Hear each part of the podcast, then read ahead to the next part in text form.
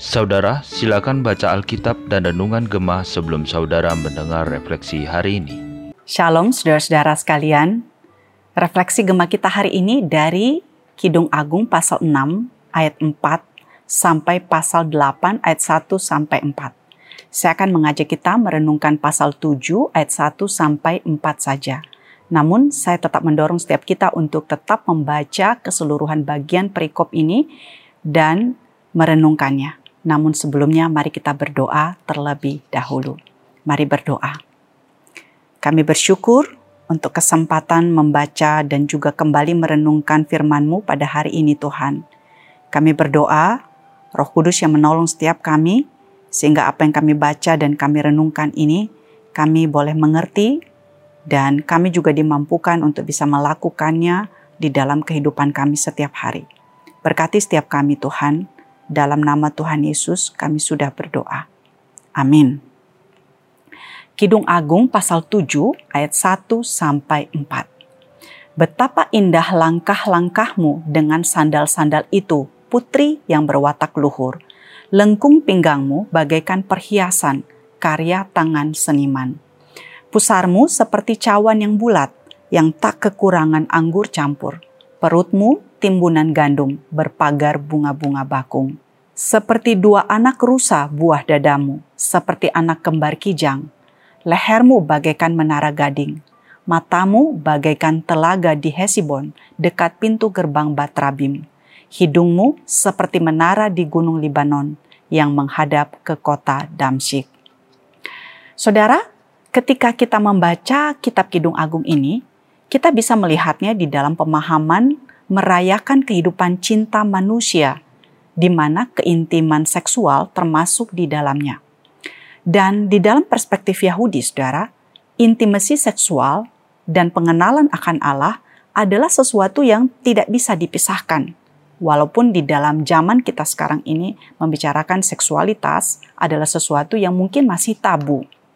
Nah, ayat-ayat yang tadi kita baca adalah merupakan puji-pujian mempelai laki-laki kepada mempelai perempuan, di mana dia membayangkan ketika pulang dari peperangan disambut dengan tari-tarian dan mempelai laki-laki saudara menikmati akan hal itu. Nah, saudara sekalian menyambut seseorang dengan tari-tarian setelah pulang dari peperangan adalah sesuatu yang biasa dilakukan pada waktu itu. Mempelai laki-laki memuji dengan mengatakan, "Lengkung pinggangmu bagaikan perhiasan, karya tangan seniman. Nah, saudara, siapakah yang dimaksud dengan seniman di sini? Pribadi ini, saudara, merujuk kepada Sang Pencipta, yaitu Allah. Ini adalah sesuatu yang menarik, saudara, karena istilah ini muncul satu-satunya di dalam kitab pengkhotbah di mana kita tahu bahwa di dalam kitab ini kata Tuhan atau Allah sama sekali tidak muncul sama seperti di kitab Esther dan kitab Rut. Namun walaupun demikian saudara, justru kita melihat bahwa di dalam pemikiran si penulis kitab ini, kita mendapati sebuah penyataan bahwa kehidupan pernikahan, kehidupan cinta, termasuk kenikmatan di dalam seks itu sendiri ketika dinikmati di dalam konteks yang benar adalah pemberian dari Tuhan. Jadi walaupun penulis kitab Kidung Agung tidak menyebutkan kata Allah di dalam seluruh kitabnya, namun bukan berarti bahwa kehadiran dan karya Allah itu tidak ada. Dan inilah menariknya kitab Kidung Agung. Seluruh kehidupan kita dilihat di dalam konteks yang utuh, termasuk kehidupan pernikahan, kehidupan cinta, dan kehidupan seks yang mungkin selama ini dipahami sebagai sesuatu yang tabu dibicarakan dan dipahami sebagai sesuatu yang duniawi. Tapi sesungguhnya tidak demikian, saudara. Nah, penulis kitab Kidung Agung melihat bahwa semuanya itu adalah sesungguhnya pemberian dari Tuhan yang manusia bisa nikmati dan syukuri di dalam kehidupannya. Nah, yang dituliskan di ayat yang ketiga dan ayat yang keempat adalah merupakan pengulangan dari pasal sebelumnya, menunjukkan konsistensi pujian dari mempelai pria yang tentu saja mengandung kesegaran ketika dia mengucapkannya. Dia kemudian mengatakan matamu bagaikan telaga di Hesibon. Nah, Hesibon adalah telaga, saudara, atau sumber air yang mengandung keindahan yang alami. Hesibon ini adalah sumber yang penting untuk mempertahankan kehidupan di kota tersebut. Jadi perkataan ini hendak mengatakan bahwa mata mempelai perempuan, mata yang penuh dengan cinta kasih adalah mata yang memberikan kehidupan. Suatu pandangan mata yang penuh dengan pengharapan dan bukan pandangan mata yang sinis atau apatis atau pandangan yang penuh dengan ketakutan, melainkan suatu pandangan yang memberikan kehidupan. Nah, di sini kita melihat pandangan mata itu adalah sesuatu yang penting. Orang bahkan sering mengatakan saudara mata atau pandangan mata itu adalah jendela jiwa. Nah terakhir di ayat ini mempelai pria mengatakan hidungmu seperti menara di gunung Libanon yang menghadap ke kota Damsyik.